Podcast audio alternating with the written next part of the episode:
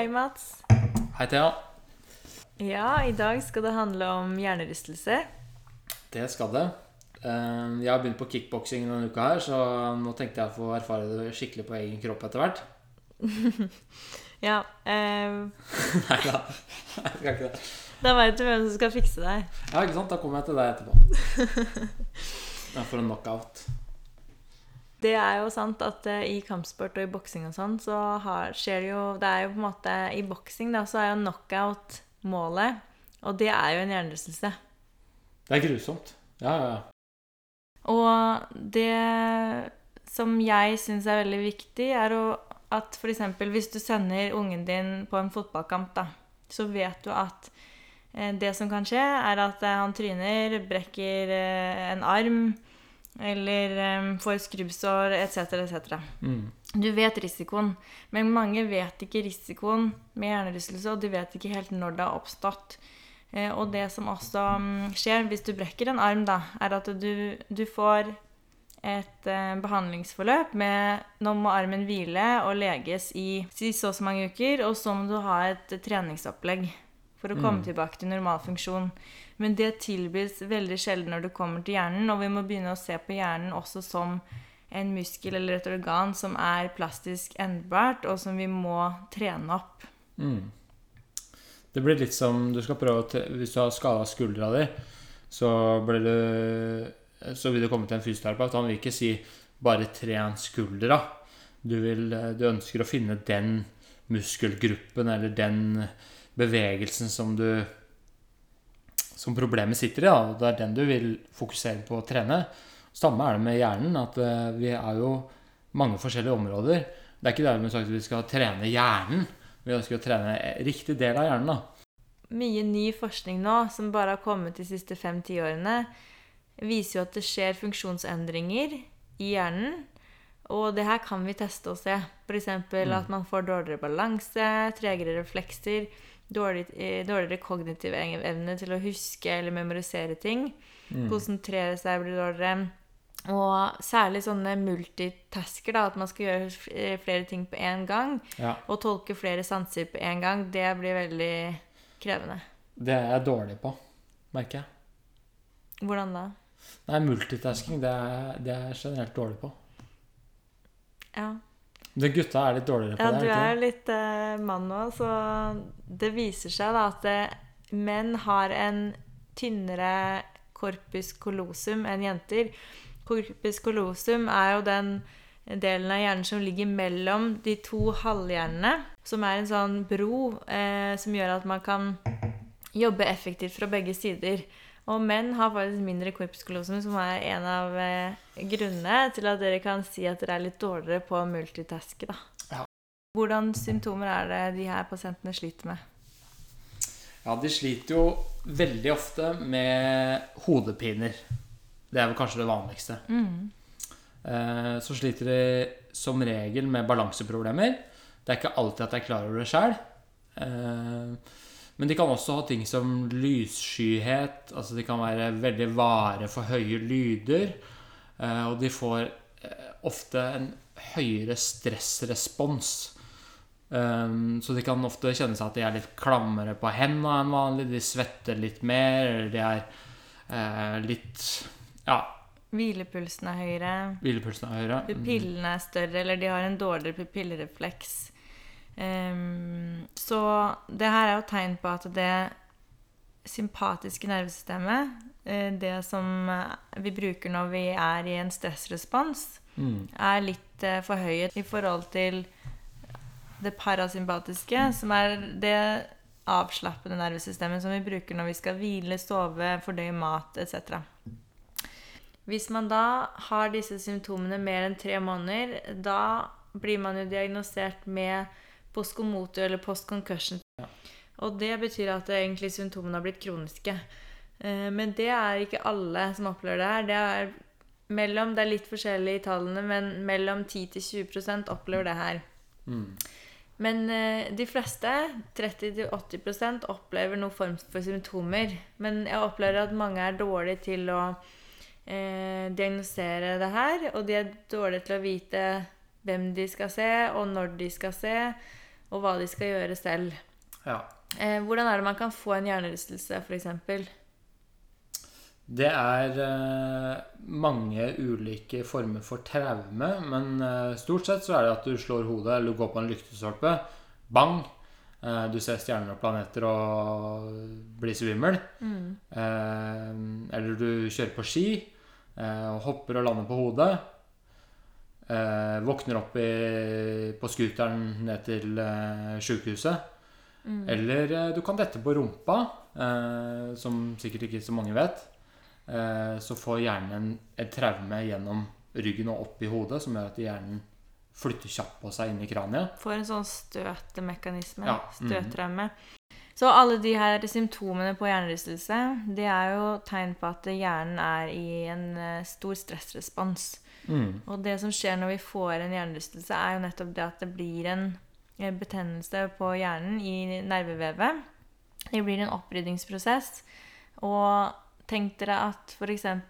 så har vi ulike deler av hjernen som gjør ulike oppgaver, og de pleier å samarbeide og snakke veldig tett sammen.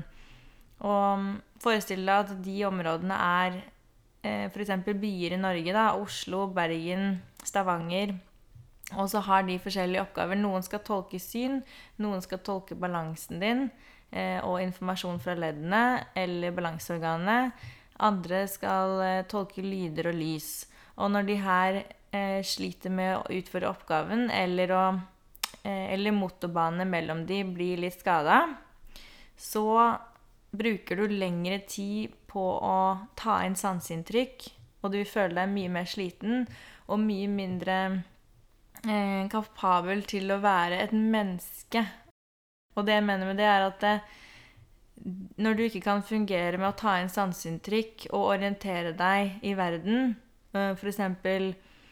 Eh, når hjernen sliter med å bare vite hvor omgivelsene er, og hvor du er, og hvordan du beveger deg, og bare har problemer med å egentlig stå oppreist, eh, så sliter du også med de kognitive tingene som det er å være menneske, og f.eks. planlegge eller eh, huske hva du skal handle i butikken, eller lage en middag med masse ulike ting på kokeplata. Mm. Sånne ting går helt koken. Mm. Og selve skaden Hva er det det Altså, hvordan er den skademekanismen her? Det er noe som heter diffuse axonal shearing, og det betyr at det, mellom nervene så er det jo eh, synapser eller aksoner som snakker sammen, og de får en sånn strekkskade på seg. Eh, og det som skjer, er at det blir en betennelse, og det blir en opprydningsprosess. Og det som anbefales da, er at man hviler i streng hvile i to dager, i hvert fall. Og så skal man da holde seg unna PC, for mye lys, for mye lyder, og bare ta det i ro. Men eh, så, etter de to dagene har gått, da skal du begynne å bevege deg og trene opp hjernen og komme i aktivitet igjen. Mm. Men, men er det liksom Det er mange som eh, får beskjed om at de skal hvile til symptomene blir borte. Er det noe god strategi? Nei. Vi skal opp på beina, vi skal bevege oss, vi skal bruke hjernen. Fordi det er sånn hjernen utvikler seg og holder seg frisk. Mm. Og det er veldig dumt at eh, det ikke er noe gullstandard enda med hjernerystelser. Så det man blir fortalt, er at man bare skal hvile, hvile og slappe av. Eh, og holde seg borte fra for mye stimuli som trigger symptomer. Men det at man får vondt i hodet for eksempel, etter man har gjort noe, det betyr ikke at du gjør noe vondt verre. Men Mm. det er jo dritkjipt, fordi du føler deg dritt, og du klarer ikke å fungere. Mm. Så fordi mange av pasientene som vi ser, da, de opplever jeg at eh, blir oppfatta ofte som om de enten er em, Om de enten har ME, de blir ofte eh, også diagnosert med depresjon og angst og mer sånn psykiske lidelser som kommer sammen med hjernerystelsen. Og um, dette vet vi er helt vanlig, men ofte så blir, føler de at de ikke blir tatt alvorlig, og man ser ikke på de at de har en hjerneskade. For det er jo det det er, en mild hjerneskade. Mm. Eh, og de, de sliter med å komme tilbake til det livet krever av dem. Mm. Så de, blir aldri, de føler ikke ofte at de blir tatt helt seriøst. Og de um, er jo utreda både her og der og der, og de finner ingenting. Og det vi vet om hjernerystelse så langt, er jo, er jo også relativt lite. Det er mye ny forskning på det nå som viser at det er funksjonsendringer i hjernen. Men det er veldig få som klarer å teste og se det her og gi et spesifikt treningsprogram. Så de faller veldig ofte mellom stolbeina. Mm, det stemmer. Og det er mange av disse pasientene som eh, Ja, ikke sant. De sliter med symptomer som du ikke Du vil ikke se det på en blodprøve, ikke på et bildediagnostikk. Um, og da blir Da er det ikke noe behandling som kan tilbys. Men det er det, for det er mye forskning nå som kommer ut og viser at fysikalsk behandling med f.eks. balansetrening, koordinasjonstrening, øye, hånd, eh, nakke-øyebevegelser, det kan eh, hjelpe til veldig mye. Fordi at eh, vi vet at det er spesifikke områder i hjernen, gjerne de mer gamle strukturene, de primitive delene, som blir affisert. Hjernen er jo et organ som eh, Maten til hjernen er jo ikke bare mat fra mm, næringen vi spiser, men maten til hjernen er jo også bevegelse. Det er jo sånn hjernen lærer og holder seg i gang, og sånn som nervecellene våre har det bra. De er avhengig av bevegelse, og det får vi, litt stimuli får vi indirekte hele tiden fra tyngdekraften, med at musklene må stå imot og leddene våre må stå imot eh, tyngdekraften fra jorda.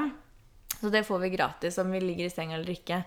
Men det er nesten ingen eh, medisinske diagnoser som anbefaler deg å ligge rett ut i et mørkt rom og slappe av. Det Nei. som skjer i lengden, er at du blir mer sensitiv. Og det har dere sikkert merka òg hvis dere har vært inne i et mørkt rom, og så kommer ut i dagslys. Mm. Da er, det jo kjempe, da er du kjempesensitiv. Mm. Ja. Og det er også sånn eh, Man ser mange som har hatt uh, hjernerystelse, at uh, de klarer ikke på en måte al- å, å gjennomføre trening, eller de, de blir mye mer fatigued enn det de gjorde før. Eh, og så får du beskjed på en måte ja, du må bare pushe gjennom og, og kline til. Mm. Men det er mye av det vi skal snakke om i neste podkast også. hvordan man behandler disse tingene.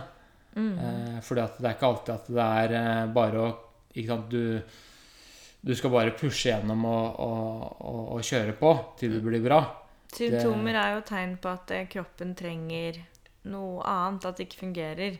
At sanseintegrasjonen Altså, vi har jo forskjellige sansesystemer gjennom øynene, gjennom ørene, gjennom huden, gjennom ledd og gjennom balanseorganet som er i indre øre.